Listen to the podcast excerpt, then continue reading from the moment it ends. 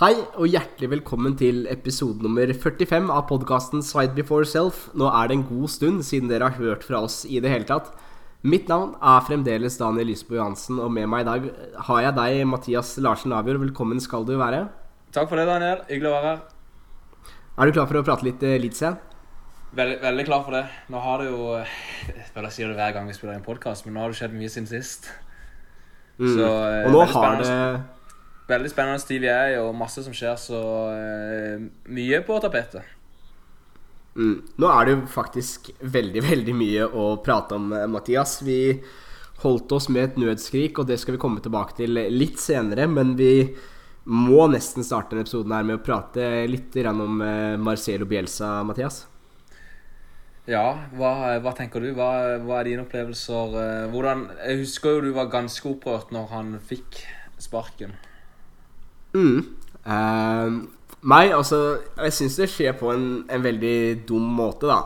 Um, han ryker jo etter uh, Altså, resultatene var jo veldig, veldig stygge. Vi møter uh, noen veldig, veldig gode lag, og det lå jo på en måte litt i korta. Altså, vi vet jo at ingen manager er jo freda, og de er helt avhengig av resultater. Akkurat som, akkurat som spillere er, så er det også sånn med managere. Ehm, og klart et nedrykk for Leeds ville vært eh, katastrofalt, og det så jo ikke så, så bra ut da Marcelo Bielsa røyk. Um, og så vet vi at vi skulle ha et finere kampprogram etter hvert. Um, men så er det jo sånn da at uh, Marcelo Bielsa er på en måte vår Don Revy, da. Der uh, gutta som opplevde Leeds på 70-tallet, har Don Revy. Så har vi Marcelo Bielsa, den eneste manageren i i vår levetid, da, altså hvis du tar bort fra vi var seks-syv år gamle da de var i, i Champions League og sånn, så, så, er Marcelo Bielsa den største vi har hatt, og den eneste i vår levetid som har skaffa en, en tittel i det hele tatt. Um,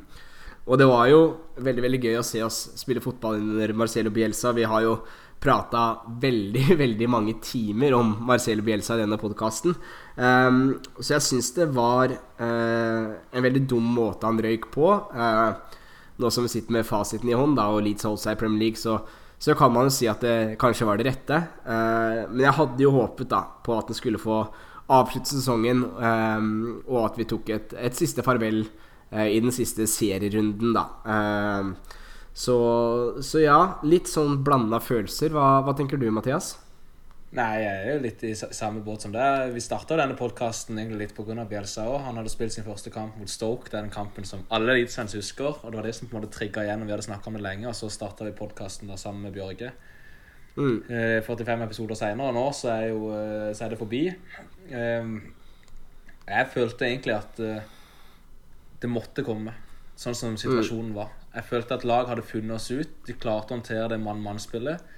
Eh, spillerne så eh, også mange skader. Ja, det skyldes andre ting òg, men det, definitivt skyldes også det regimet. Jeg tror mange var slitne òg.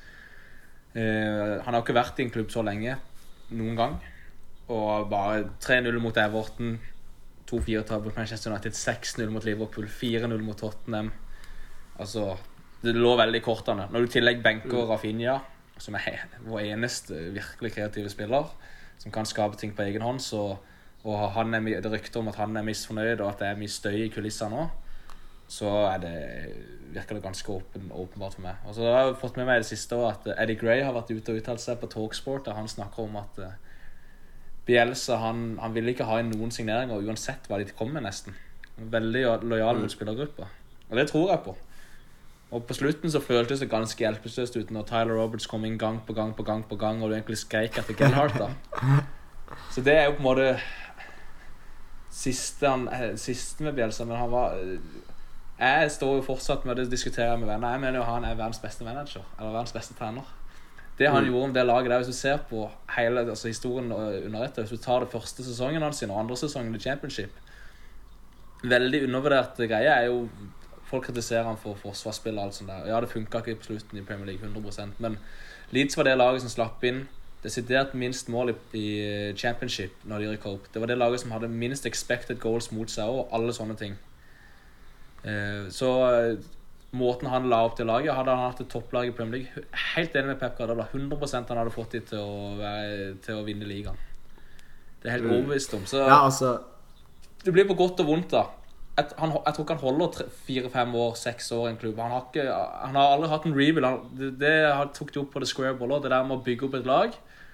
Og så begynne å erstatte spillere. At han aldri har kommet til det punktet der han må erstatte mange spillere som har, har virkelig ofra seg for han tidligere. da. Og det, der er vi jo nå. Hvis du ser på Leeds nå, altså Ailing, Dallas, den gjengen der, da. Klikk. Eh, og disse gutta som har vært og båret han opp fra championship, de skippes ut. Berardi, Pablo, de er liksom på vei Eh, Ja, de er ikke fast Er nok ikke tiltenkt å være fast i elveren lenger, da. Under Jesse Nei, March. Den, den, den, kampen der tror jeg ikke Bjelsa helt var gira på å ta heller. Litt, kanskje litt vel overlojal, da, på de tingene der. Og så er det jo bare det at ja, vi, vi, skal spill, altså, vi trengte kreative spillere. Vi trengte kanskje flere spisser, i hvert fall flere midtbanespillere. Hvis han har vært en sånn nødbrems på det og sikkert vært vanskelig å jobbe med, så, så skjønner jeg hvorfor alt dette har skjedd. Det er helt naturlig at det skjer. Selv om eh, alle var veldig eh, Jeg var veldig lei meg dagen det skjedde, og dagen etterpå, men eh, på mange måter måtte det skje, da. Jeg tror ikke Leeds hadde overlevd med Bielsa. Jeg er ganske sikker på det. altså. Det er all, Ja, alltid vanskelig, det gått, det var- det var et lettere kampprogram, men du så det veldig på, på spillestilen og frustrasjonen og ja, det, så ikke veldig bra ut, altså. Det skreik etter endringer, og Bjelsa var aldri opptatt av å gjøre endringer. Han var liksom plan A.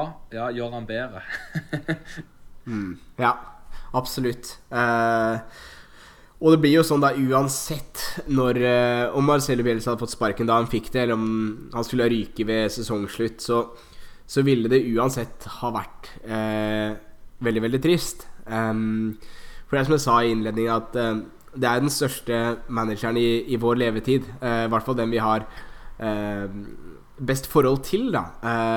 Og som du sier, Mathias, han har fått fått veldig mye ut av et ganske begrensa mannskap. Og så var det det at Leeds hadde jo ekstremt mange skader forrige sesong, og Jesse March sa jo også da han kom inn at at, at uh, disse gutta her er uh, helt vanvittig slitne. Altså at det har vært en veldig veldig stor belastning på dem.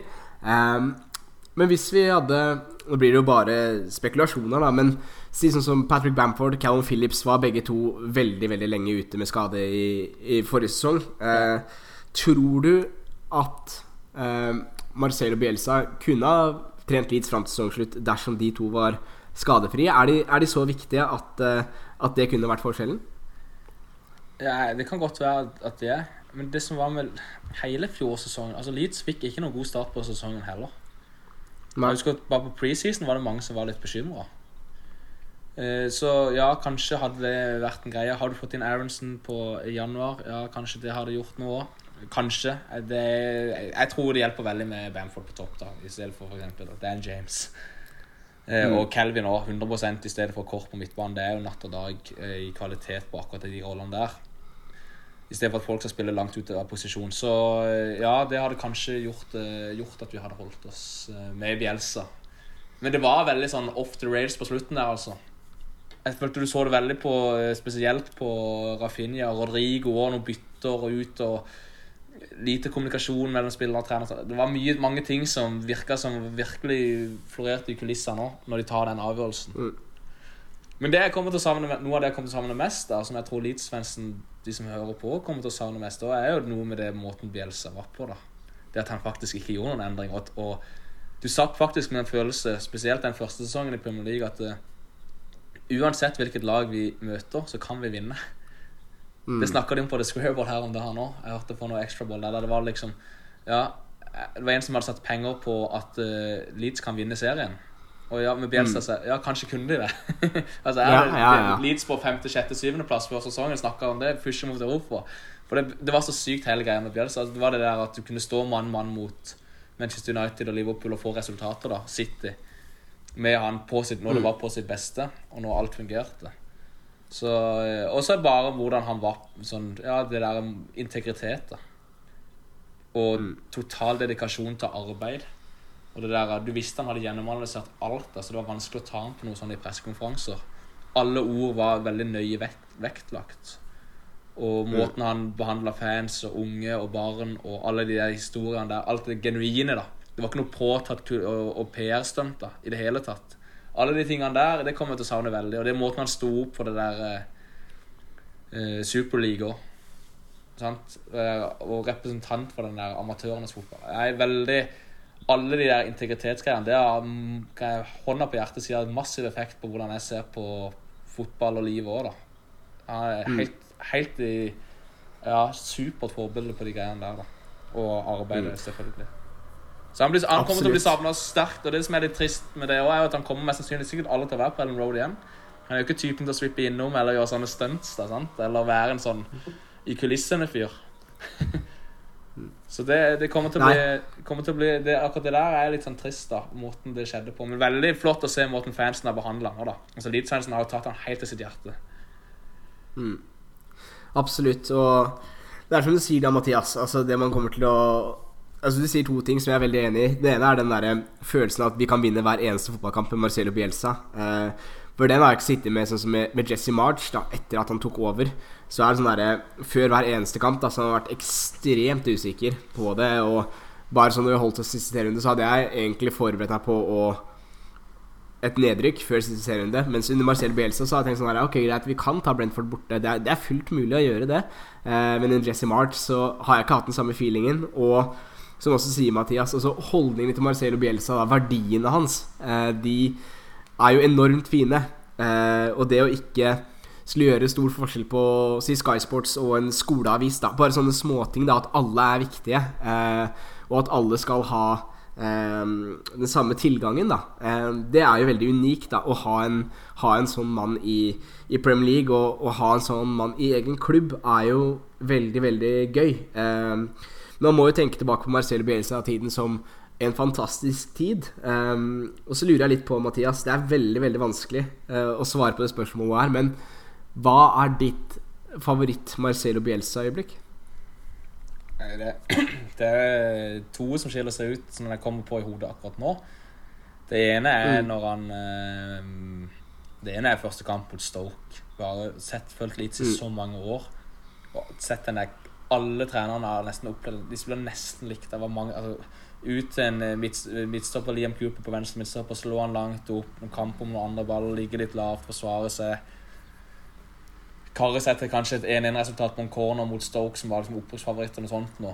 Og så kommer bare Bjelsa inn, og du har hørt masse på forhånd. Vi hadde sett noen ideer i preseason, og så bare dominerer hele kampen. Altså Angrep på angrep som bare bygges opp og løp og ja, Det klikkmålet der i, i starten av den kampen der, wow. Hele den kampen var helt sinnssyk. Mm. Og det var eh, helt solgt på bare Før den kampen der så tenkte jeg det er begrensa mye en trener kan gjøre, men etter den kampen der så er det helt sånn Det er helt ufattelig hvor mye en trener kan gjøre egentlig med et lag. Hvis du får en rett fyr. Ja. Absolutt. Du fikk sånn Calvin Phillips òg. Helt bang average championship-spiller. Som bare strålte fra mm. dag én. Matheus Klitsch var bare henta fra intet igjen og starta. Saiz og Pablo leverer jo. Um, og, men ja, helt sånn utrolig uh, surrealistisk eh, kamp. Og etter det tok det jo bare fyr. Sant? Derby etterpå og alt det der greiene der. Så første kampen, og så er det den der når han klemmer på Philip, selvfølgelig, og det der greiene der, da. Som jeg, som, ja, det... som husker opprykket, da. Det at han får det nå, da. Ja, det er et enormt fint øyeblikk. Det er det, altså. Veldig. Um, og sånn, eh, den samme den første kampen mot Stoke også. Det er som du sier, altså, det var jo veldig uforventa. Og man møter liksom Stoke hjemme. Sånn, ok, Ett poeng her er egentlig en veldig god start på sesongen. Og så kommer du bare feier de av banen. Det var jo ganske Det er ganske sjukt. Jeg husker på forkanten så var på en måte alle managerne samla på sånn der et Eh, etter en sånn PR-greier der de skulle på en måte snakke om sesongen. Og Da var ikke Bjelsa der, men da var Phillips der på vegne av Leeds. Og da sa Wood Phillips ja, jeg tror vi kan få et resultat mot Stoke. da Og da svarte bare han Rowett, mm. eller han Stoke-treneren, at uh, han har tydeligvis ikke sett på oddsen, da. ja. og så var, kommer den sinnssyke kampen der. Mm. Nei, det er uh, det er helt, helt vilt. jeg har lyst til å trekke fram en, en annen match også, ja. og det er var det andre serierunde borte mot Derby.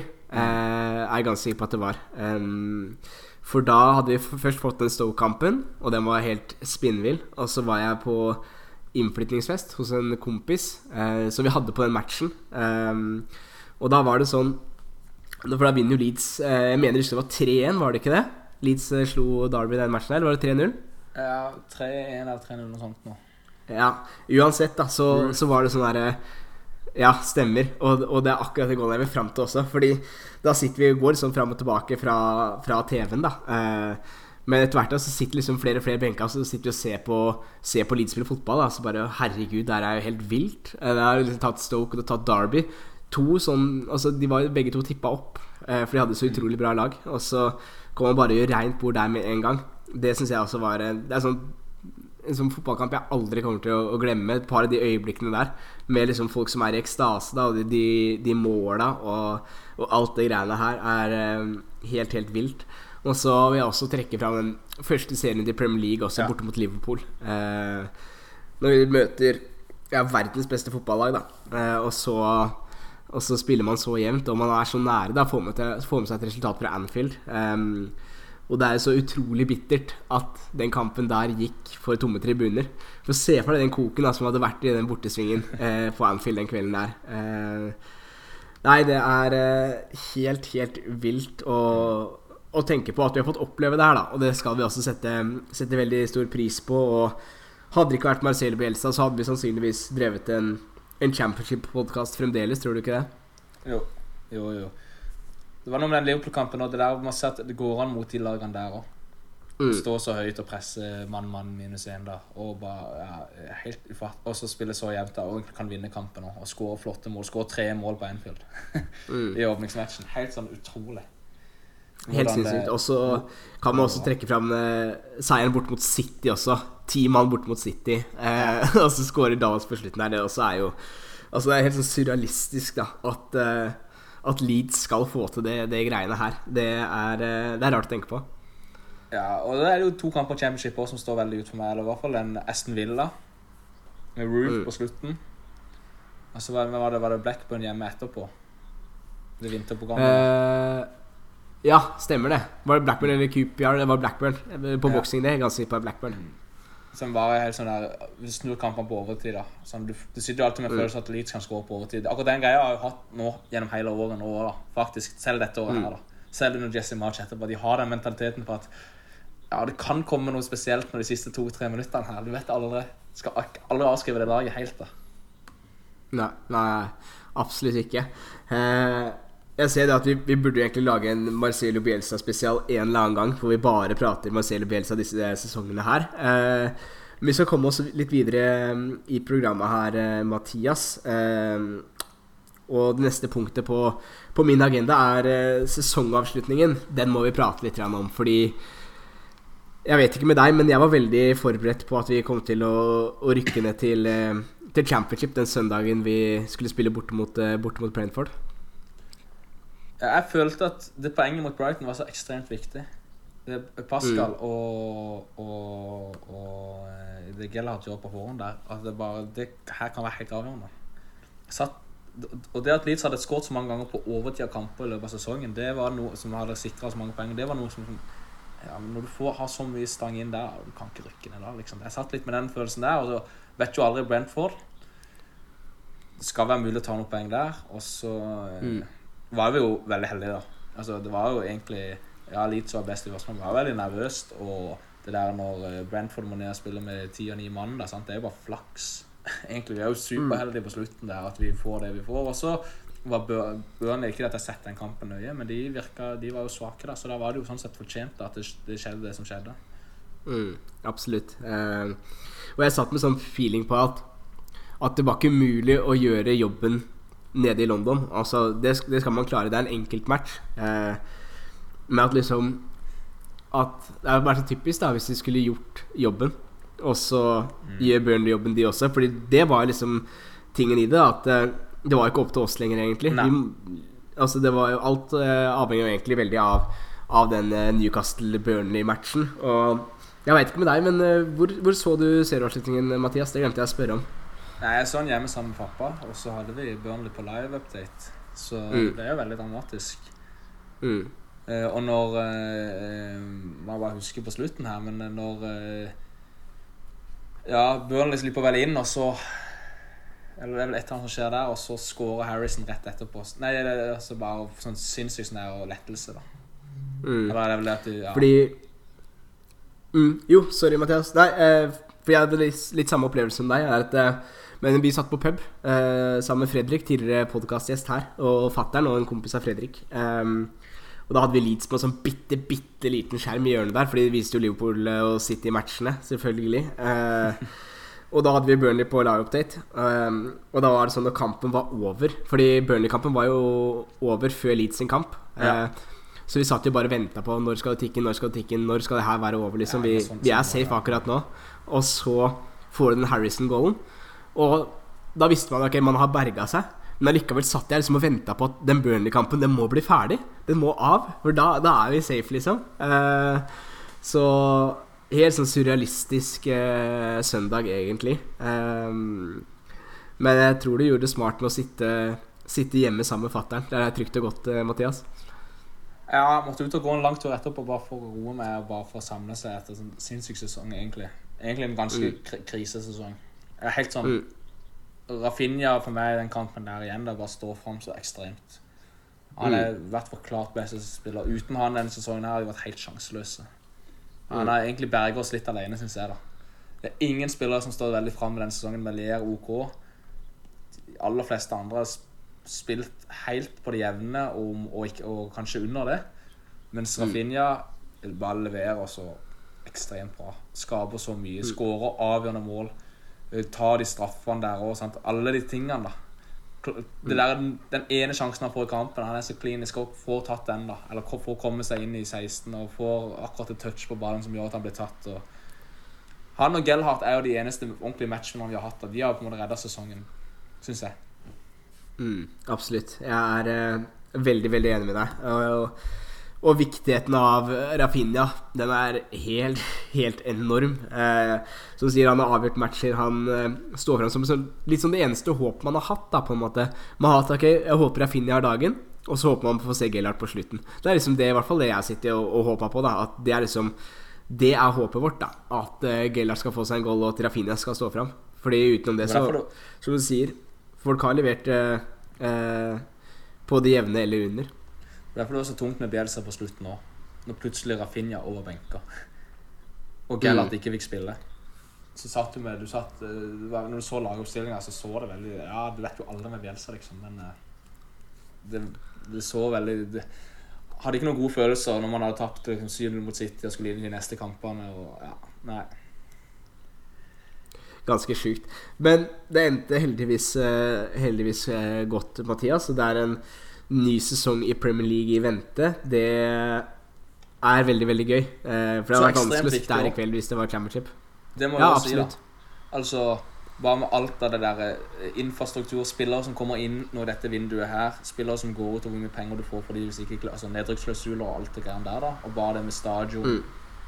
Eh, bare etablering på Premier League, nye sponsorinntekter, alle sånne ting, da. Så enormt mye å si at du holder deg der. Mm, absolutt. Man føler på en måte at dersom Leeds skulle rykke ned den søndagen i, i mai, så, så er liksom alle disse planene der må settes på vent. Ja. Eh, og som sier, vi hadde ikke fått noe penger for, for Philips og Rafinha. Det hadde bare vært vekslepenger. Eh, så kan man diskutere, vi skal komme tilbake litt senere, med, med summene som er blitt eh, bydd på disse to gutta her. Eh, men det hadde virkelig bare vært småpenger da som man får inn for to fantastiske fotballspillere. Og som du sier, man venter jo litt på, på et nytt Ellen Road. Man venter på at det skal komme enda større penger inn i klubben og venter på at man skal ta et steg til. da Men så hadde vi rykka ned, så er det ikke greit. Da må vi liksom Da må vi starte helt på nytt. da Og, ja. og da kan man se for, at, eh, se for, seg at det skulle vært 16-9 år eh, nedi der. Det er det som er tungt. sant? Sånn som Brendan Harris nå, som du visste kom inn hvis man holdt seg. Og mm. jeg husker Tor Christian Karlsen har den på Jeg vet ikke om det var 21.-plass eller en, en veldig altså Du kårer de 25 største talentene under 23 eller under 21 i uh, i verden. Og da hadde han Brendan Aronson der, så blant annet på en av de mm. plassene. Mm. Og bare tenkte sånn nå Det er typisk å Leeds rykker ned, så ser du han briljere i en eller annen klubb, da. Mm. Absolutt. Så bare det at du får, får holdt deg og får inn de spillerne du får nå, og får skifta ut flere av de som har vært i championship-laget, kontra at du hadde rykka ned, og så hadde du stått med Gellhart og Greenwood og så kryssa fingrene for at det holder. mm. Mm. Det hadde sannsynligvis ikke, ikke holdt. Um, men ja, heldigvis så er det en ny sesong i, i, Premier League. Vi skal prate litt om terminlista litt uh, senere i sendinga, Mathias. Uh, Men er du klar for å snakke litt uh, overganger og se litt på lytterspørsmåla? Ja, sure. Mm. For det er jo sånn at uh, denne episoden her spilles inn veldig sånn spontant. Jeg sendte dere en melding mens jeg var på jobb i stad. Bjørge hadde dessverre kveldsvakter hele uka, men, men, vi hadde muligheten, vi som, som, jobber i skole og barnehage. Vi har heldigvis fri på kveldene. så tenkte jeg at vi må jo ha noen lyttespørsmål. Og det har vi sendt ut. Uh, og vi har fått ganske bra med lyttespørsmål. Og vi kan starte med Vi kan starte med Petter Hermansen, en trofast lytter. og han lurer på om vi tror Jesse March er rett mann. For meg blir det mye prat og fakter med amerikaneren. Ikke spilt god fotball etter at han tok over, og det bekymrer meg. Um, han skal få tid, men hvor lang tid trenger han for å overbevise? Med mindre dere allerede er overbevist. Det er altså spørsmålet fra, fra Petter Hermansen. Uh, Jesse March, Mathias, er det, er det rett mann for Leeds? Det er vanskelig å si. Det er vanskelig å si. Mm. Han gjorde jobben, da. Oppgaven var å holde seg, og det fikk de til med marginer. da. Um, mm. Jeg er jo litt enig med Petter da, på det der med faktaene, men det tror jeg har litt med at det bare det er Bjelsa som var den forrige treneren nå. Mm som har, han, han, har nok gjort at mange ser annerledes på hvordan det er å være trener i Leeds. Og hva man skal se etter. Altså, mm. det, er noe, det er ikke noe superspesielt med Jesse March med tanke på fakta, egentlig. Altså, han har bare gått ut og egentlig faktisk vært rost Marcelo ganske mye òg. Mm. Eh, snakker mye om mentalitet og sånne ting. Og det er jo litt mer fyllord og litt mer sånn der Og avisoverskrifter. Og jeg tror Leeds-fansen har blitt flinke til å klare seg gjennom litt mer sånne ting. da enn en før. Men det var ikke noe, sånn var jo Gary Munch òg. Sånn var jo mange av disse andre som folk var glad altså som man gjerne ville ha. Gary Munch ville jo folk gjerne ha videre når han var elite Mm. Og han var litt i samme gate da, og det var ikke alltid fantastisk fotball. Så jeg tror det bare hadde vært supervanskelig å komme inn og erstatte Bielsa. Bielsa har spilt den beste fotballen for, altså, Måten de spilte under Bielsa, er kanskje den beste noen gang. Det sier jo de som har vært med siden 60-70-tallet òg. I hvert fall de som har vært med til Champions League-dagene. Altså måten Og Wilco-lagene òg, altså måten Bielsa spilte fotball på, var på sitt beste var ekstremt underholdende å se på. Og det er vanskelig å matche når du er i nedrykksfight. Og det funka ikke på slutten heller. Så um, jeg tror det har litt med det å gjøre, og så får vi se, da. Jeg er også litt sånn OK, hvor mye Når han sier han legger ned masse arbeid, hva vil det si kontra Bielsa, for eksempel, som ikke skryter av det sjøl, mm. Eller uh, når han snakker om med spillere og signering og sånn han er ikke den samme X-faktoren som Bielsa hadde på sånne ting, da, men han og den der trange formasjonen nå, og så spilte han bredt en periode, så spilte han trangt igjen, og så spilte han bredt. Altså, det er vanskelig å vite hva han kom Nå får han jo faktisk en preseason på å bygge laget sitt, så det kan være det ser veldig annerledes ut nå. Vi må gi han de første kampene for å se om dette her virkelig funker. Mm. Eh, men jeg liker jo heller ikke det der med at han er litt sånn der Han bryr seg ikke som Jon hva fansen sier og alt sånt der. Jeg liker jo at uh, treneren har tett forhold til fansen. Men han vil jo ikke mm. kommunisere med fansen så mye nå. Det er kanskje riktig også da, å gjøre i starten, men Veldig usikkert kort, da. Fortsatt. Ekstremt usikkert kort. Men har jo en god CV. Har fått masse gode resultater, og mange spillere trives godt med han, da. Men det er jo noe annet enn Murderball Sessions og alle disse greiene som vi hadde med Bielsa. Jeg tror det er derfor det blir så spesielt når sammenligner For han blir så hele tida sammenligna med Bielsa, dessverre for han, da. Mm. Absolutt. Eh, og det er som du sier da, Mathias, at det er en veldig utakknemlig jobb å ta over etter Marcelo Bielsa. Altså, det skal ekstremt mye til for å toppe det Marcelo Bielsa har gjort. Da, da må du ut i Champions League da, og, og, og etablere deg der, liksom, eh, for å overgå Marcelo Bielsa. Og som du sier også, Mathias, han kommer jo inn og står i dritten, da. Altså, du kommer til et lag som har sluppet inn haugevis med mål. Eh, det stinker nedrykk. Eh, og så skal du på veldig kort tid da prøve å sette ditt preg på laget og, og snu det. Um, og du er også inne på noe veldig viktig, Mathias, med at han har klart første delmål, og det er å holde Leeds i Premier League. Og det, det klarte han, og det er utrolig bra. Jeg er også enig i at man han er nødt til å få ro, han er nødt til å få en preseason, han er nødt til å få sine spillere. Han er, altså, vi kan ikke bedømme Jesse March veldig mye ut fra disse kampene, eh, annet enn at han har bestått, eh, bestått eksamen da, med å holde oss. Eh, ja, med et nødskrik skal sies, da. Altså, ja, da abs eksaminatoren, hadde sagt, eh, eksaminatoren hadde sagt at uh, du kan flyte, men svømme, det kan du ikke. Nei, nettopp. Og, og sånn sett, altså Som sagt, han har klart det han Han har klart det, det første han skulle, skulle gjøre, og så holde Leeds i Premier League. Og så får vi ja. Se hvordan, eh, hvordan det blir etterpå. Og, Det blir noen kråletak. Uh, ja. ja. det blir spennende å se. Det blir ekstremt spennende å se. Uh, vi kommer til å prate litt om uh, overganger eh, i dette segmentet her også. Og vi har fått et spørsmål fra Våre beste menn-podkasten. Eh, podkasten til nettopp Petter Hermansen. Eh, og dette er jo en norsk landslagsfotballpod. Eh, og, det har vært noen det vi omtaler som veldig løse rykter om Sander Berge inn til Leeds. Eh, er dette en mann du kunne tenke deg å se i Leeds-drakta, Mathias? Ja, 100% Jeg syns Sander Berge er veldig, veldig god. Jeg liker ma mange av de kvalitetene han har. Det er noe Leeds trenger litt òg, da. Mm. Midtbanespiller med god fysikk.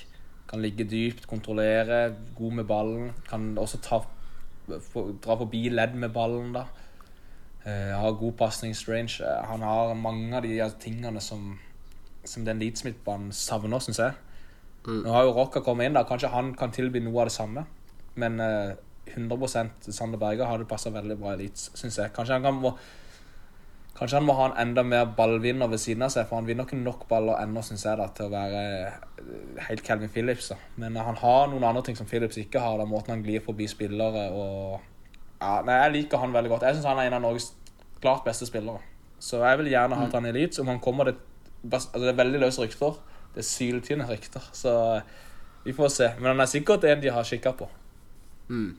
Det burde de absolutt gjøre, i hvert fall. Han er jo for tida i Sheffield United, som uh, spiller i championship. Uh, Yes. Og det er jo en mann som sannsynligvis kommer til å spille Premier League på neste sesong. I hvert fall en toppliga. Jeg tror ikke han blir et, et, en sesong til i, i championship. Og turen fra Sheffield til Leeds er jo veldig kort, veldig praktisk for Sander Berge. Og, og det hadde, som du sier, Mathias, det hadde vært en spiller som uh, virkelig kunne fått ut potensialet sitt i, i Leeds, altså. Så absolutt. Så vi håper på Sander Berge. Eh, så blir det spennende å se da hvis denne Philips-overgangen blir klar i løpet av uka. Så vil det jo skape litt eh, eh, Da vil det skje litt på overgangsmarkedet, da. Altså da Ja. er det ikke lenge før eh, Fabrice Romano tryller fram noen eh, navn opp fra hatten, og Orta må komme seg litt på jobb igjen eh, med, med ferske penger inn. Så får vi se da om det blir noe Sander Berge for disse Philips-penga. Eh, vi hopper til neste spørsmål, uh, Mathias. Og det er fra Bjørnar Kønvig uh, Havnen. Også en uh, fast lytter. Han skriver at det er godt å ha oss eh, tilbake. Og takk for det, Bjørnar. Det er veldig hyggelig å høre. Eh, han eh, vil at vi skal prate litt om eh, om eh, overganger. Eh, posisjoner som vi ønsker å styrke. Eh, han regner også med at vi kommer til å diskutere litt om denne Calvin Phillips-overgangen. Uh, vi kan jo starte med Calvin Phillips, da, Mathias. Hva er eh, ståa der mens vi sitter og, og prater sammen nå? Ståa der er det jo at det går en del rykter om at City har fått akseptert bud, og at han egentlig er basically enig med klubben, og at de egentlig venter bare på medisinsk test, at han skal komme seg til Manchester og få dette unnagjort. Det er vel det mange rapporter sier. Det er ingen store rapporter som benekter det, så det ligger veldig i kortene. Det er snakk om noen Yorkshire Evening Post sier 50-55 millioner pund, og pluss litt ekstra. Eh, The Athletic sier 42 millioner pund med pluss 3 millioner i sånne ekstra bonussituasjoner. Eh, og Fabrizio sier 40 som kan gå opp mot 50 med noen ekstra bonuser hvis de slår ut. Så det er litt ulike, ulike tall man opererer med. Men det er et sted mellom 40 millioner pund og 50-55, da. Mm. For Calvin Phillips. Mm.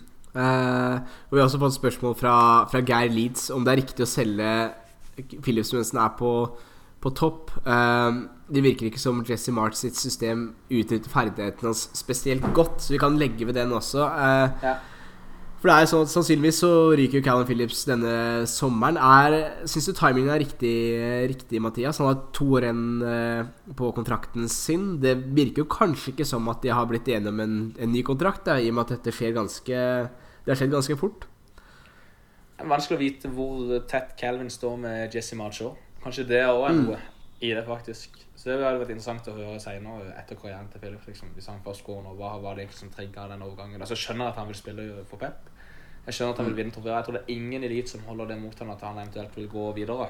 Med tanke på England-sjansene, med tanke på mesterskap og alt sånt òg. Mm. Eh, jeg syns jeg, jeg syns egentlig at eh, Calvin Phillips har eh, i, I hvert fall denne sesongen her ikke levert all verdens. Han, og jeg syns i fjor òg så ser du noen ganger noen områder Phillips sliter på. Han, veld, han løper i et samme tempo hele tida. Han er ikke spesielt rask. Han, han, når det først kommer kontringer, så klarer han ikke å løpe opp noen. Han blir ofte fraløpt eller passert. Det er klare svakheter i spillet hans i Leeds, syns jeg. Eh, Men han vinner mange baller. Har en fantastisk pasningsfot. Eh, Sterk, robust. Ja, trygg med ball, så du mister, mister mye med han, men jeg, jeg tror også det går an å finne erstattere på markedet som er rimeligere. Mm. Og hvis du kan cashe inn på han nå, så ja, det er jo synd fordi han er Leeds-gutt og alt det der, og Leeds-fan og vokst opp og byen og Granny Val og hele den pakka og storyen og alt det der òg, men han har på en måte Han har gjort sin del av jobben òg, da. Det er en litt verdig avskjed, og det at han går til City, er ikke så kritisk heller, syns jeg, da. Det er mye verre hvis han har gått til Manchester United, da, eller en annen sånn klubb. Så alt i alt så syns jeg det er helt greit for alle parter å selge. Han ble jo i Leeds når han kunne gått til Aston Villa eh, når vi var championship-klubb eh, for- etter første år med Bielsa, og det skal han ha massivt med creds for. Uten Phillips hadde vi ikke rykka opp, mest sannsynlig. Så alt i alt, jeg syns det er greit at han går nå. Og jeg tror det trengs skikkelig skiftninger uansett i klubben. Altså, det championship-guttene til Bielsa, vi, vi kan ikke leve på det under Jesse March. Vi trenger andre koster inn. Jeg tror også vi er litt med, Angående det vi snakka med Jesse March òg. Jeg tror vi, mindre, vi må være mindre avhengig av manageren nå. Vi må være mer avhengig av at spillermateriellet bare er godt nok generelt. Og da må vi kanskje selge de én-to beste spillerne som får et jevnere, høyere topp. Og flere spillere som kan gjøre ting. da. Mm, absolutt. Og jeg er veldig enig i det siste du sier her, eh, Mathias. Med, Leeds er litt i den posisjonen nå da, hvor vi må regne med at vi kommer til å miste stjernespillerne våre. Eh, og det kan også være riktig å selge disse stjernespillerne for å få inn nok penger til å få en mer bredde i stallen. Det så vi jo veldig tydelig da forrige sesong, at, at det er ekstremt tynt. Så kan du selge Phillips da og ha inn to nye mann, gjøre akkurat samme med Rafinha, så vil du sannsynligvis heve Eller du er nødt til å heve eh, nivået på stallen generelt. Og da kan nok det være et, et veldig riktig grep, altså. Eh, rett og slett for å få mer bredde og, og få inn litt bedre spillere. Eh, for det er jo sånn at selv om Leeds spiller i, i Premier League, og man vet at, eh, at det opereres med store summer der, så, så er ikke Leeds noen styrter i klubb, altså. Eh, så det å selge både Rafinha og Phillips, det, det vil jo være to rekordsalg for, for Leeds sin del. Og selv om det er jo utrolig kjipt da å skulle miste disse to, så, så er det litt sånn der vi er nå. Og det kan nok hende at timinga for å selge Callum Phillips er helt, helt riktig. Og du er også inne på noe veldig viktig her, Mathias, med at Phillips har gjort ekstremt mye for Leeds. da eh, Og det er ekstremt viktig å huske på dette. Og man kan jo også forstå at det er klart at nå har du så vidt holdt deg da med, med klubben i ditt hjerte. da Siste serierunde, eh, så klarer du å holde deg. Eh, så det er en veldig fin avslutning. Og samtidig så, så har du tilbudet Ok, jeg har lyst til å spille kanskje midt på tabellen, nedre halvdel med Leeds neste sesong. Eh, jeg har lyst til å komme til Manchester City, sannsynligvis vinne Premier League når du har fått inn Erling Braut Haaland også, og komme langt i Championship, liksom. Nei, i, Championship, i Champions League. Eh, så er det lett å se at spillere har lyst til å å, å prøve seg på dette. Du ser jo Jack Grealish som går fra Aston Villa til nettopp City. Eh, og mye av det er jo for å, å, å faktisk kunne vinne trofeer, da. Fordi en fotballkarriere er ganske kort. Eh, og du vil gjerne se tilbake på den og, og føle at du har oppnådd noe. Og klart det at eh, i Leeds og også eh, Koblinga mellom Philips og Leeds vil jo alltids være veldig sterke. Og Ja. vi vet jo at gutten er ekstremt glad i klubben. Eh, men når han sitter her om 20 år, da så er det fett å se at du har vunnet Premier League kanskje en gang eller to. Kanskje du har til og med Champions League eh, Kanskje har vunnet Champions League. Eh, vunnet litt FA-cuper, sånne ting. Så Ja, jeg, jeg, jeg skjønner Philips veldig, veldig godt, da. Så 100 Philips har ingen problemer. Jeg kan skjønne litt så hvorfor vi selger han. Hvorfor Mm. han først går. Når du først har to år igjen av kontrakten nå, og han er 26-27, så han, sine, han går inn i sine eh, peak-år nå, men du får ikke mer altså Det er jo nå du må selge han for mest mulig år. Du får, ikke- og jeg liker litt strategien til òg. Kjøpe ungt. Lovende. Kjøpe 20, 21, 22, 23 år gamle spillere som, kan, som kommer til å utvikle seg og bli bedre. Og så eh, selge, selge, selge, når de er Og så håper du kan få inn bedre, noe, noe likt og bedre. Det som er positivt med Leeds nå, det er at de er linka med spillere. Nå får vi se hva de henter da. Men de er linka med spillere, og de er villige til å bruke så å si alle pengene de samler inn da, på å bruke på nye spillere. Og klubben, ja, det er ikke verdens rikeste klubb, men uh, nå har de brukt 40 millioner pund eller hva det er allerede, fem, nesten på spillere og kjøp som var uavhengig av disse to salgene. Og nå kommer de til å reinvestere de salgene òg. Så enormt mye tillit som stilles til Orta. Du mister dine to beste spillere i en klubb som har slitt big time i fjorårssesongen med en ny manager også, som er litt uprøvd. Så du må treffe på signeringene. Så det er derfor det er interessant hva som faktisk kommer inn nå. Om det kommer inn noe eh, bang average. Altså Vi har ikke råd til å bruke Det var noen som sa ja, 43 millioner for um, Phillips. Det er jo egentlig basically uh, Daniel James og Heller Costa-pengene, det. Ja, sånn? ja, det, kan ikke det, få inn noe sånt noe der, da. da Dan James er fortsatt utprøvd. Vi får se da, hva han kan bidra med på kant på sikt. Jeg er jo mer tro på han enn Harrison, men det er en annen diskusjon. Men altså, du kan ikke ha sånne Du kan ikke leve på det det holder. altså Heller koster Dan James, det er ikke det du kommer å bruke Phillips-fan på. Du trenger Det er litt sånn som når Leicester må gi Kanté, da, så henter de igjen en Didi med en gang, da. sant? ja, Og det er jo Leicester-modellen absolutt, Leeds ser etter. Mm. Det, det, det Så er det litt sånn at Nei, gå, eh, Daniel. Ja, nei, sorry, Mathias. Det skulle si at eh, det er litt sånn Si du skal selge både Vi skal prate litt mer om Finne etterpå, men si hvis du selger både Callum Phillips og Rafinha da, og får inn 1,2 milliarder da, for disse to gutta, sånn cirka, eh, så er du jo avhengig av å treffe på de signeringene du, du gjør, da. Fordi man mister to stjernespillere. Vi har pratet om før at vi, vi ønsker mer bredde i, i stallen, og du er inne på strategien til Leeds, men så er det sånn, Vi skal huske at vi signerte jo Rodrigo, da. Var jo var vel 400 millioner. Det er omtrent det samme som kommer til å selge Philips for. Philips kanskje litt dyrere. Men klart, hvis du erstatter Philips med en Rodrigo, da hvis, med tanke på hva du har fått tilbake igjen, så er det plutselig et veldig dårlig salg. Treffer man på to-tre spillere ut av, ut av disse pengene du får for Rafinha og, og Callum Phillips, så, så kan det hende at, at Leeds faktisk står igjen som vinnere i dette her. Det er jo her Orta er så key, da. sant? Hvis du klarer å hente inn en spiller Og det er det jeg er litt nysgjerrig på nå. Det er nå du virkelig får teste han òg, da. For jeg mistenker at Bielsa har stått bak mange av de der sagt mye nei, da. Og jeg tror det er Bielsa som fikk inn eksempel Dan James, da. Så hvor mye egentlig Orta Nå har han litt mer frie tøyler. Jeg tror ikke Jesse Marcher ligger oppe i nesa på hva som kan komme inn, og hva som kan gå ut.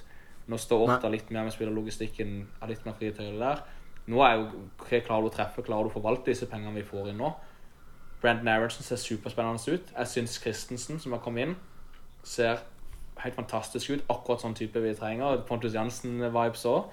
Superrask. Kan avslutte med begge bein som back, kriger, sklitakler, kaptein. Vært lederrolle der. Eh, Rocca sier Veland er den mest interessante signeringa i PL. Han kommer til å bli en stjerne. Så alle de tre nå veldig, ser veldig lovende ut.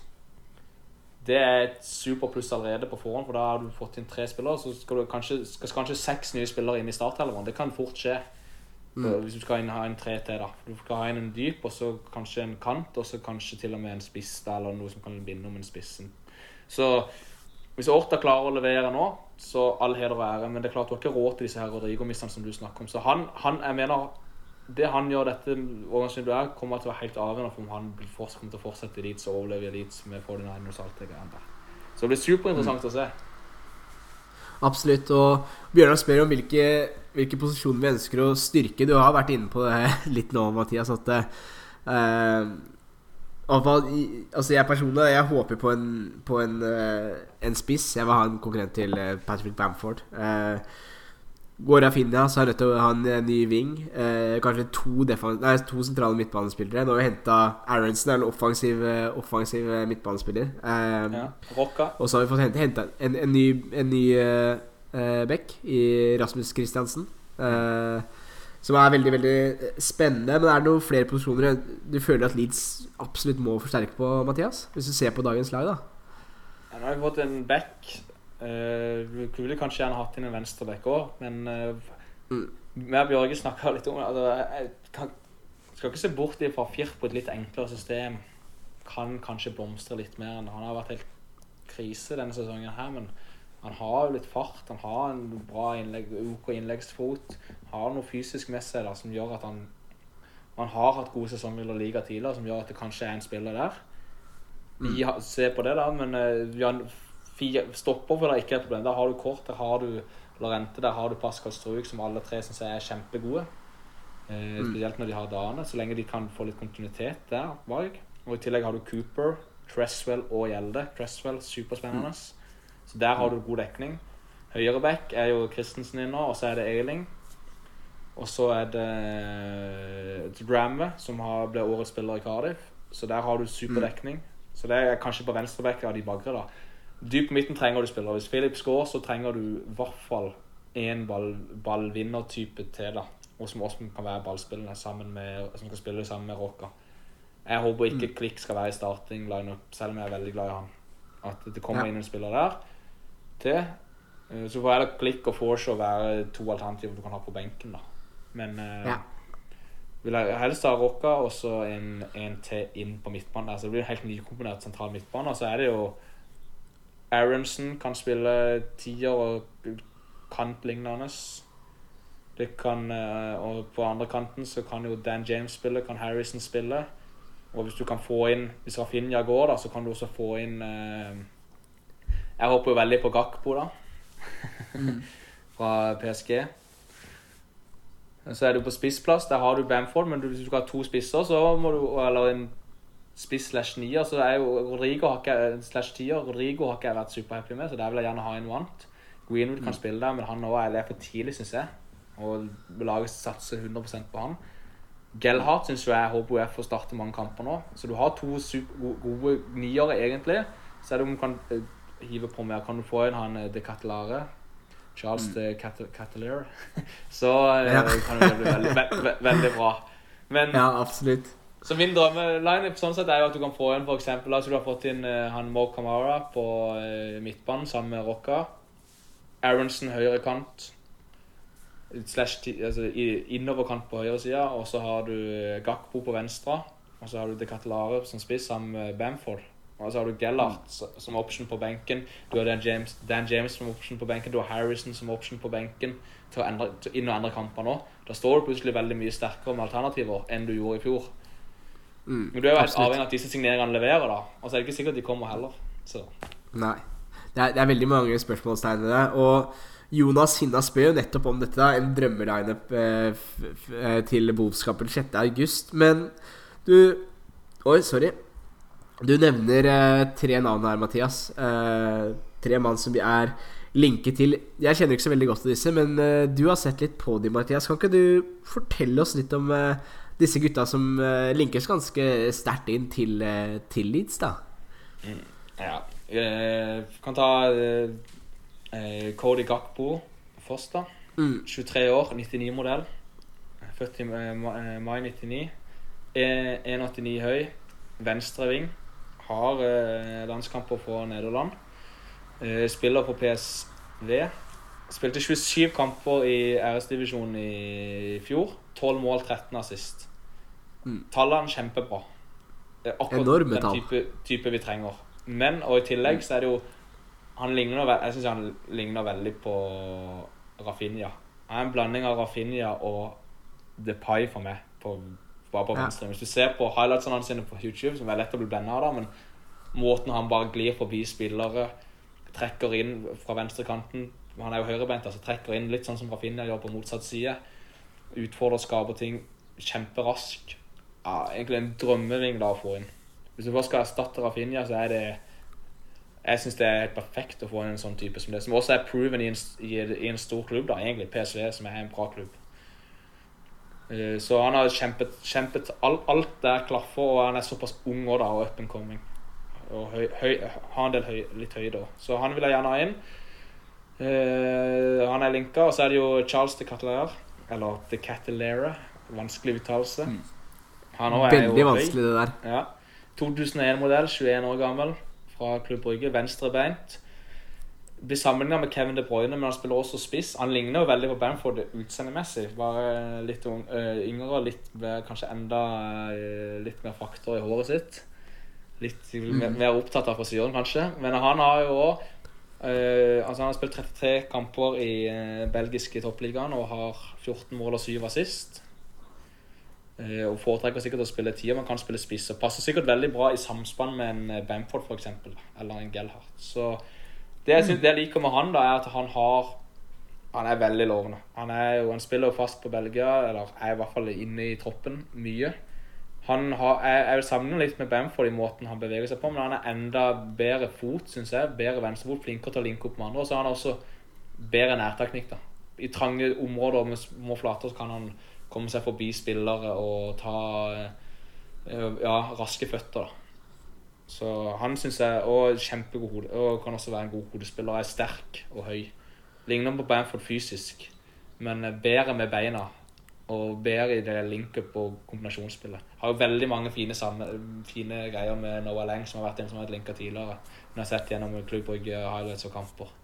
Så han synes, begge de to er jo veldig unge og lovende spillere som er sånn supertalent. Wonder Kids på FM òg, hvis man, hvis man er opptatt av alle her, da. Så ikke det at jeg har sett Jeg har ikke stått og sett masse kamp, fulle kamper i uh, verken æresdivisjon eller i uh, i Belgia. Men de to navnene der syns jeg ser super, super, super spennende ut. Og er drømmesigneringer.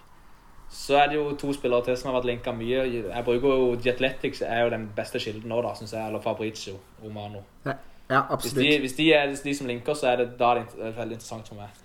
Og da er det jo Tyler Adams, som spiller i, um, i bonusliga. Uh, for, ikke, for, for, ikke for Red Bull um, av Salzburg, men for oh, Hva det heter for noe? Leipzig. Leipzig, ja. Uh, mm. Han er en Han er en, ball, en skikkelig ballvinner. Han spiller på det amerikanske landslaget. men fortsatt for, ganske vanskelig å tyde klippene, syns jeg, da, på han. Ja. Men litt sånn Kanté-lignende sånn sett, da, syns jeg, i måten han fremstår. Mye sånn ballvinning. Han er 99-modell, 23 år. 1,75 høy. Spiller fast på landslaget. Spiller jo med Aronsen. Bare spiller bak han. Uh, og ja, helt kurant, sånn sett. Litt Kan være at han Jeg er litt usikker på hvor god pasningsspiller han egentlig er. Der, hvor god han er med ballen. Det er det jeg er redd for, at ikke han holder der, og at han er for lav og ikke vinner nok dueller. og sånn. Derfor er min drømmesignering heller å få inn Wow Kamara, som spiller i RB Salzburg. Spiller med, har jo spilt med Christensen og Aronsen der, enda en Salzburg-spiller. Men han syns jeg ser mye mer spennende ut, selv om han spiller i en dårligere liga. For han har mm. alle de samme kvalitetene som, uh, som Adams, men han har også evnen til å ha uh, en sånn fart og balanse til å på en måte også ta, komme seg forbi spillere. Det er jo akkurat det jeg savner veldig i Eliteslaget nå. Den evnen til mann-mann-dueller og klare å vinne de, da. Mm. Å komme seg forbi og komme på, også kunne klare å skape og skåre mål. Han er, er 2000-modell, 22 år gammel.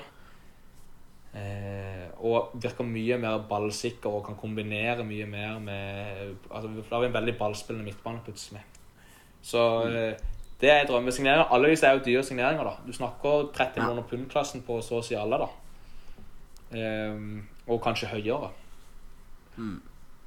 Så det blir eh, det... Kanskje Tyler Adams er den billigste av dem, men eh, det er navnene. Eh, som jeg har kikka på, og så kan, der dukker det jo alltid opp nye. ja, Rodrigo de Paul. Det, ja.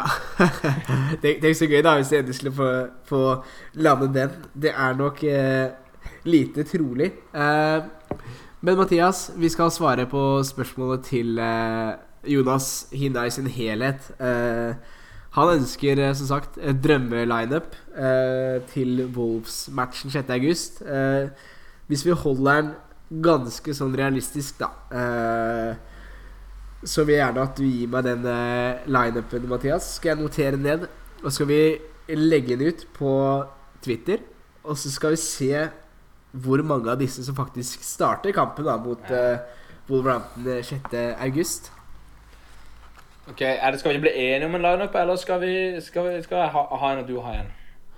Uh, vet du hva, jeg, jeg har ingen klar. Jeg har ikke jeg har ikke sett så mye til disse gutta som er linka inn, egentlig. Jeg, jeg, tror du har mer kontroll Eller jeg vet at du har mer kontroll på dette her enn hva enn hva jeg har, uh, Mathias. Uh, så hvis du er opp for det, så, så gi meg gjerne drømme, Jeg vil jo ha drømmeleiligheter. Melier i mål. Ja. Selv om Foster har vært linka og sikkert som reservekeeper og alt sånt nå, men eh, han har gjort jobben sin, han. Han er ung og masse, kan utvikle seg masse mer òg, eller bli veldig mye bedre. Så eh, Melier i mål. Christensen på høyrebekken. Så er det jo Jeg liker Lorente og Koch. Jeg skulle gjerne sett de spille sammen. Det er tysk landslagsstopper og det er en spansk landslagsstopper. Selv om Lorente har vært litt rotete i år. eh, Luis Henrique hyller han i landslagspausen nå. Jeg vil gjerne se de to sammen. Gi de fem-ti kamper sammen. Ja, jeg vet at ingen av de er venstrebeinte, men det går fint for det òg. Det skal gå an å spille stopper for det òg. De to er mitt, mitt førstevalg. Men så er det jo Kanskje må man ha flere lederskikkelser. da Kanskje trenger man en Cooper til å ha strukturen der. Så jeg skjønner det hvis Cooper starter foran en av de. Ja. Eh, men eh, de to først. Og så egentlig Pascal som tredjevalg, egentlig. Men eh, Ja. Men kanskje trenger du Cooper som lederen. Han er tross alt kaptein, og det jeg antar at han fortsetter med denne sesongen. Så han starter nok. Og så, så jeg tipper han starter, men jeg håper jo at Lorente går. Eh, så eh, venstreback Det blir jo fort Firpo, da, som Dallas er Ja. Han må vi bare gi noen kamper til. Jeg føler fortsatt det kan komme mer av han. To dype midten, da vil jo jeg helt nykomponert. da. Jeg syns ikke Forsh og Clear er veldig spennende. Så hvis Phillips forsvinner, så må du ha Da må vi tenke annerledes. Da må, må Kamara på, og. Rocca også er jo venstrebein, så han kan spille på venstre der. Og så kan Mo Kamara som er høyrebein, spille på høyre der. Så de to på midten sammen. Og så blir det jo den, de, to, de, to, eh, de, de to vingene som blir trett litt lenger inn, da.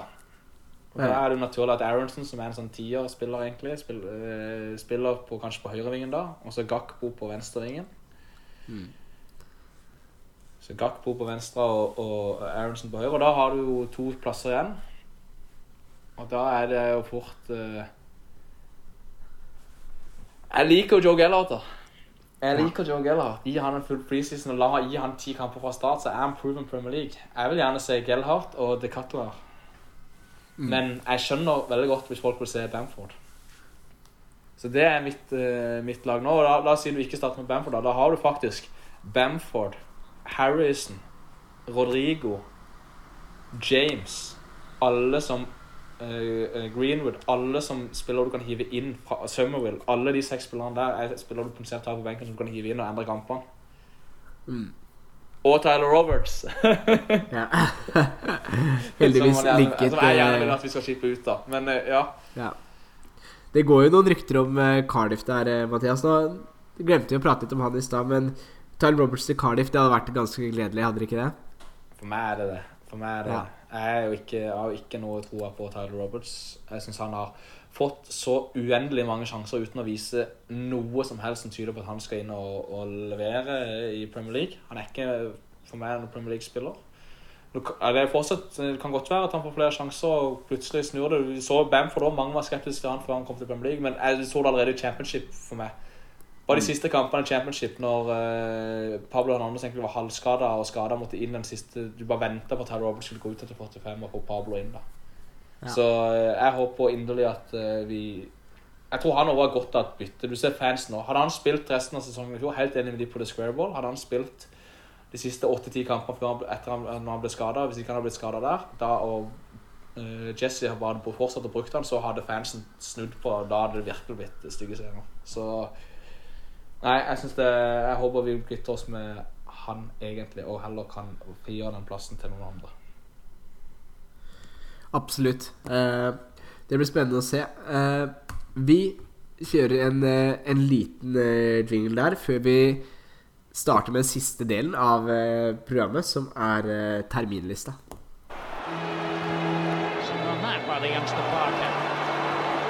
Robinson takes over. Good ball. Becchio well. Leeds United draw level on aggregate. Well, the roof has just been lifted off Ellen Road.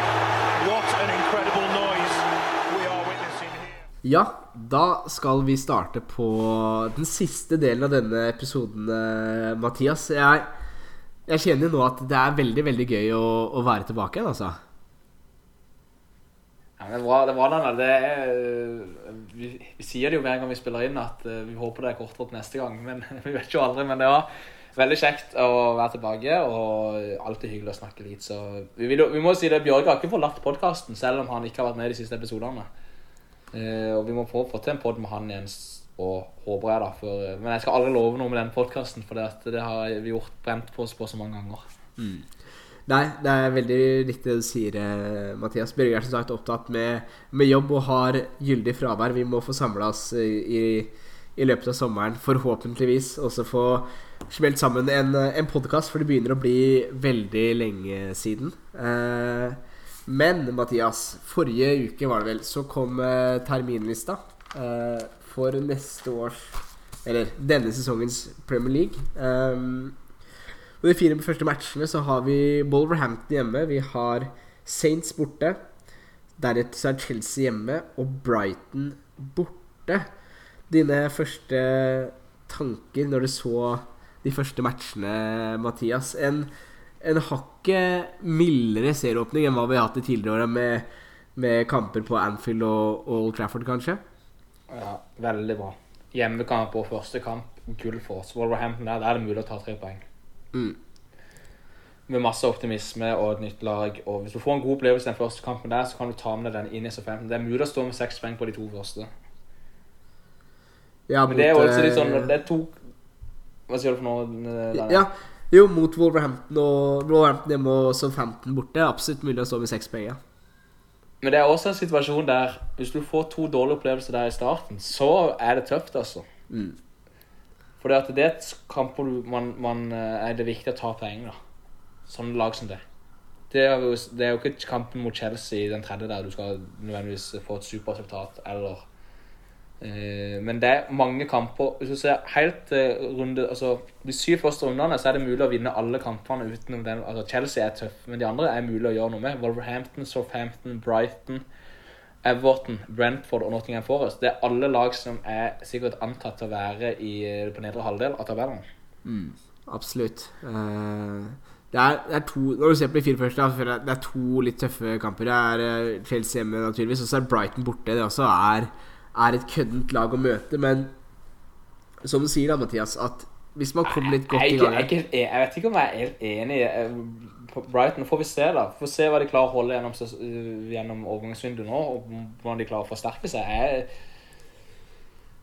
vi har slitt mot de før, ja, og de hadde en god sesong nå, men jeg, ja, jeg, jeg mener det der er Jeg mener det er kampen man skal vinne, da. Ja.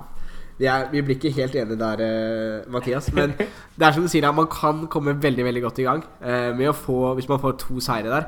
Men som du også er inne på, Mathias, taper man de to første, og deretter får du besøk av Chelsea, og man fort ryker der også, står man med null poeng etter tre matcher der. Da Petter Hermansen snakka litt om Jesse March, hvor mye tid skal han få, hvor tålmodig skal vi være. Står med null poeng der, så allerede der begynner folk å hyle etter Marcelo Bielsa. Eh, og et trenerskifte Ja, der, ikke sant? Han kommer neppe tilbake igjen, men eh, ja.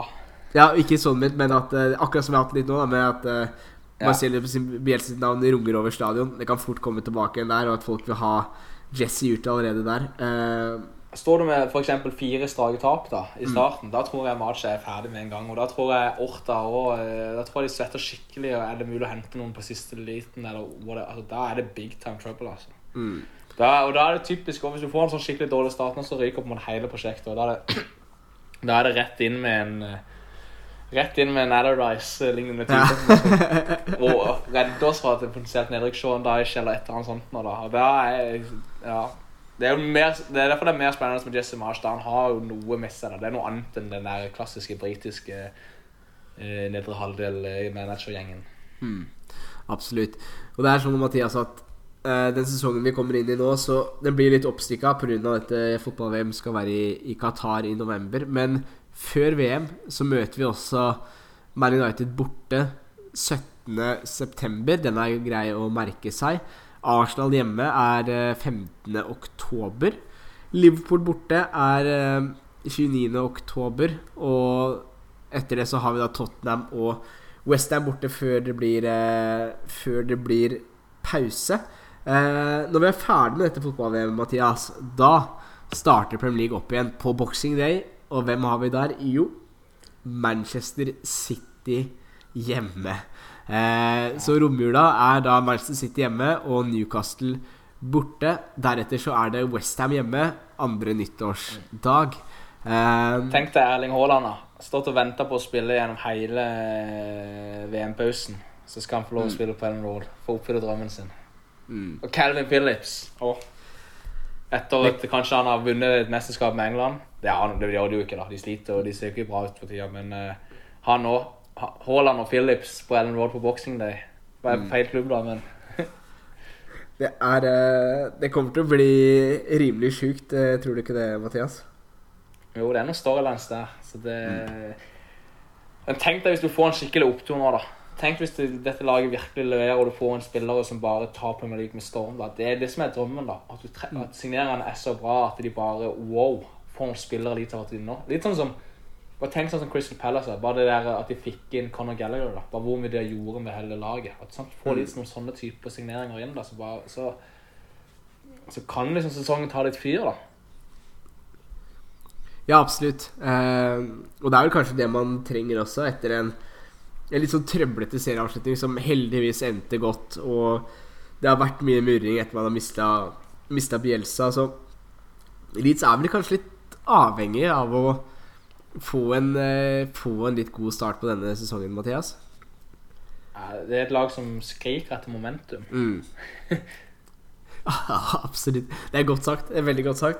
Eh, hvis du ser på vårsesongen, da, så er det greit å, å legge merke til da, at eh, vi har Manchester United eh, 11. februar. Eh, hvis vi går gjennom storlagene. Og så har vi Chelsea eh, borte 4. mars. Eh, og så etter det så kan vi ta en titt på de fire siste kampene til Leeds. da Det er City borte, Newcastle hjemme, Westham borte og Tottenham hjemme. Det er i mine øyne ganske brutal sesongavslutning, eh, Mathias. Ja, og Newcastle kommer til å forsterke seg sikkert mye i løpet av sommeren nå. Så der står du med City borte, der kan ikke forvente noe. Newcastle hjemme med et forsterka Newcastle, det vet jo alle hva som kommer til å skje. Eh, og Westham borte. Ja, og så Tottenham hjemme. Det, er, det skal mye til å, å få så mange poeng derifra, altså. Så forhåpentligvis er mye gjort før de fire siste. Det er det som er, det er skikkelig ekle kamper. Mm, absolutt. Eh, vi, dersom vi skulle stå da eh, i samme situasjon eh, i, i 2023 som vi har gjort nå, da eh, og vi ligger rett over streken når det står igjen fire serierunder, så kan det nok hende at det ikke går veien denne gangen. Vi håper jo naturligvis at denne sesongen skal bli en opptur igjen. Litt sånn som første sesongen til eh, Bielsa, at det skal gå så bra, er vel kanskje litt, eh, litt vel optimistisk, men at vi skal eh, kunne bite litt fra, fra oss igjen da, i, i Premier League, det er jo noe vi absolutt håper på, Mathias. Ja. Og, for, og vi, ja, vi får nå se, da. Men jeg håper jo at eh, vi er et mye bedre lag enn Brentford i neste sesong, f.eks. Mm. Og Fulham. Og Bournemouth og Nottingham Forest. At det er laget vi er klart bedre At det så tydelig at vi er mye bedre, klart bedre enn de. Men det, vi det er jo ikke sikkert, da. Det er jo det som er så det er veldig mange spørsmålstegn og, øh, med den sesongen som kommer opp. For at øh, vi skifter ut Det er så mye som blir skifta ut. I fjor var det ikke sånn. Du satt ikke med den følelsen for sesongen. For da var Bielsa der. Og det var så å si det samme laget, og du tenkte de kommer sikkert til å få noe av det samme resultatet igjen. Kanskje de får en liten dipp, en tolvteplass, var det mange som tippa. Nå i år så mister vi de to beste spillerne. Det er første gang siden Kamara Roof at du selger en, en av Leeds beste spillere forsvinner fra klubben, faktisk. Vi forsvant jo Pablo, da, men det var ikke helt på samme måte. Så um, ja, nei, utrolig spennende sesong og uh, veldig sånn uh, Føles tilfeldig, da, hvordan det her kommer til å ende. Mm, absolutt. Eh, vi begynner å nærme oss eh, slutten, Mathias. Eh, men det er sånn når man sitter og ser på terminlista, da, så er det noen kamper man legger godt merke til. Altså Boxing Day er alltid en sånn fin ting. Ok, De første matchene, serieavslutninga, når vi møter Manchester United, sånne ting. Uh, og så pratet vi litt sammen før sendinga i dag, eh, Mathias, om at vi syns det var veldig, veldig stas med Nottingham Forest opp, da. Uh, at de er tilbake igjen i, i Premier League. At det kommer til å bli, bli veldig gøy. Har du begynt å se deg ut noe tur eller noe sånt? Det Har du vært inne og sjekka flybilletter, hoteller osv. osv.? Ja, man har begynt å kikke litt på dato, men man vet jo alltid at det kan komme endringer. Og så er det jo, man, skal man jo gjerne ha med andre og sånn òg. Mm. Men det er definitivt noen interessante kamper. Og så må det være mulig å få billetter òg. Altså, Leeds Nottingham er jo kjempeinteressant for meg. Men jeg vil gjerne ha en ordentlig topp. Det hadde vært veldig gøy å oppleve det et Roses Derby. Altså. Det ønsker jeg å oppleve en gang. Og spesielt hvis det hadde gått på hjemme, hjemmebane på Ellen Road. Så det er jo eh, ja, 11. i andre, for eksempel. Men ja. uh, utover det så er det jo nei, altså, alle, alle kamper i Premier League er jo interessante. Men eh, det hadde vært gøy med et det, far, det farlige med å dra på en sånn kamp der du møter et av de, en av de store klubbene, er jo at det kan bli skikkelig stygt. Og at det, du er mer, garant, du er mer eh, garantert at Leeds kommer til sjanser å skape ting mot et, eh, ja, et Brentford eller et Forest eller et, et Fullhem. da. Mens eh, det er du ikke sikra nå mot et topplag. Da kan det være mer som forsvarer seg til 0-0 eller taper 1-0 eller noe sånt. Absolutt. Eh, veldig bra. Eh, Hva, hva har du vi- sett deg ut? Du som ofte ser på terminlista og er god på sånne se deg ut-kamper. Hvilke kamper har du sett deg ut? Oi. Du, har, eh, står jo, sitt, eh, du sitter jo på noen sesongkort òg, du gjør du ikke det? Eller Jo, familien gjør. Et sesongkort har vi. Uh, jeg har titta litt grann på uh, Bournemouth hjemme, faktisk. Uh, det er ikke det mest sexy oppgjøret, men som sier Mathias, man vil gjerne ha med seg litt eh, kamerater og diverse. Eh, og Bournemouth hjemme, der burde det være mulighet til å få tak i litt eh, billetter, muligens. Det er rett før fotball-VM, faktisk. Eh, skal vi se 50 11.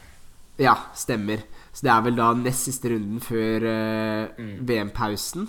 Uh, ser det ut som. Hvis ikke det er tredje siste. I Ja. hvert fall den har jeg sett Ja. meg litt grann, eh, ut. Det er som du sier, Mathias. Den store drømmen er jo å få oppleve Leeds mot uh, Man United på, på Ellen Road. Uh, så vi får nå se uh, hva det blir til. Men akkurat den Bournemouth-kampen har jeg sett litt grann. Det har vært gøy å dratt en gang før jul, og nå blir det jo sånn med dette Qatar-VM at eh, skal du over før jul, så må du gjøre det allerede i, i november, i og med at det forsvinner eh, halvannen måned da, til dette fotball- fotball-VM-et. Eh, så den har jeg sett meg litt ut. Eh, det er klart eh, Wolverhampton hjemme serieåpninga kunne vært eh, veldig gøy, men jeg kommer ikke til å, å dra på den, vet jeg. Men jeg håper jo på en tur både før og etter jul. Det hadde vært veldig gøy å fått samla en god gjeng og dra på tur også, Mathias. Vi har jo snakka lenge om denne SBS-turen. Eh,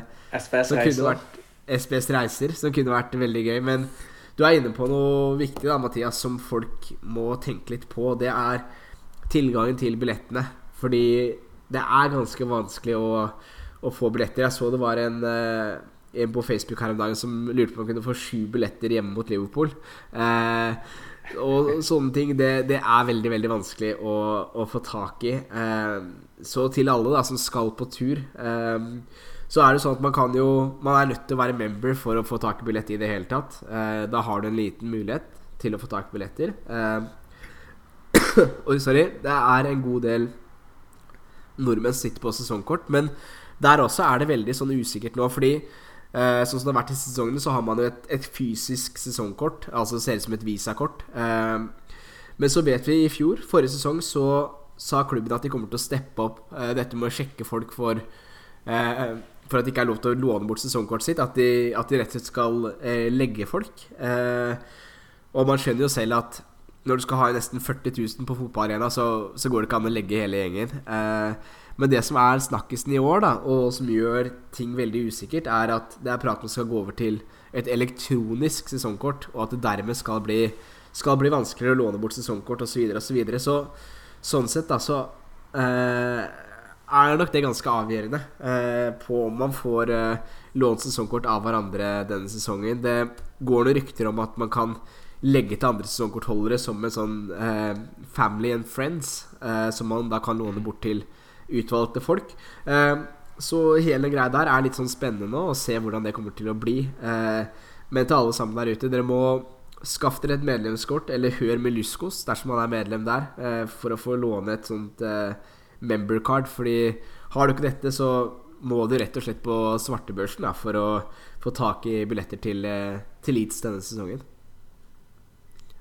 Eh, Mathias, vi nærmer oss uh, halvannen time. Det blir jo ofte sånn da når vi setter oss ned og skal ha en uh, litt kort og rask podkast, så blir den som oftest uh, ganske lenge. Men eh, som sagt tidligere i dag, eh, Mathias, det har vært eh, veldig, veldig hyggelig å prate litt med deg. Um, og så er det sånn, Mathias, at vi har jo lovet, ting folk, altså lovet folk ting før. Eh, og vi har ikke fulgt opp alt vi har lovet, så vi tør ikke å si noe når det kommer en, eh, ny episode. Men uh, vi håper jo at vi kan samles i løpet av uh, sommeren, Mathias. Det håper vi. Det håper vi definitivt. Det har vært veldig veldig hyggelig å snakke igjen, og forhåpentligvis blir det en bra episode. Så som alltid så er vi å finne på både Facebook og Twitter. Eh, SPS Podkast. Episodene legges ut i podkastappen. Den legges ute på Soundcloud, Spotify. Der finner du det. Eh, gi oss gjerne tilbakemeldinger på episodene. Denne her blir nok ganske lang, og det er lenge siden vi har podda sist. Jeg tror vi begge to kjenner på at vi er litt sånn rustne. At dette var litt sånn rart å gjøre igjen. Eh, men eh, det har vært en fryd. Takk til alle som har eh, hørt på. Så prates vi forhåpentligvis i løpet av eh, sommeren. As long as white shirts on the back, got a chance in this game. We've got a chance in look at a goal though. I'm a football man, look at this. Bang! Take that! Oh, oh get in there! I tell you what, never, ever, ever rule out the mighty white gods that are Leeds United Football Club. Look at the fans! Yes!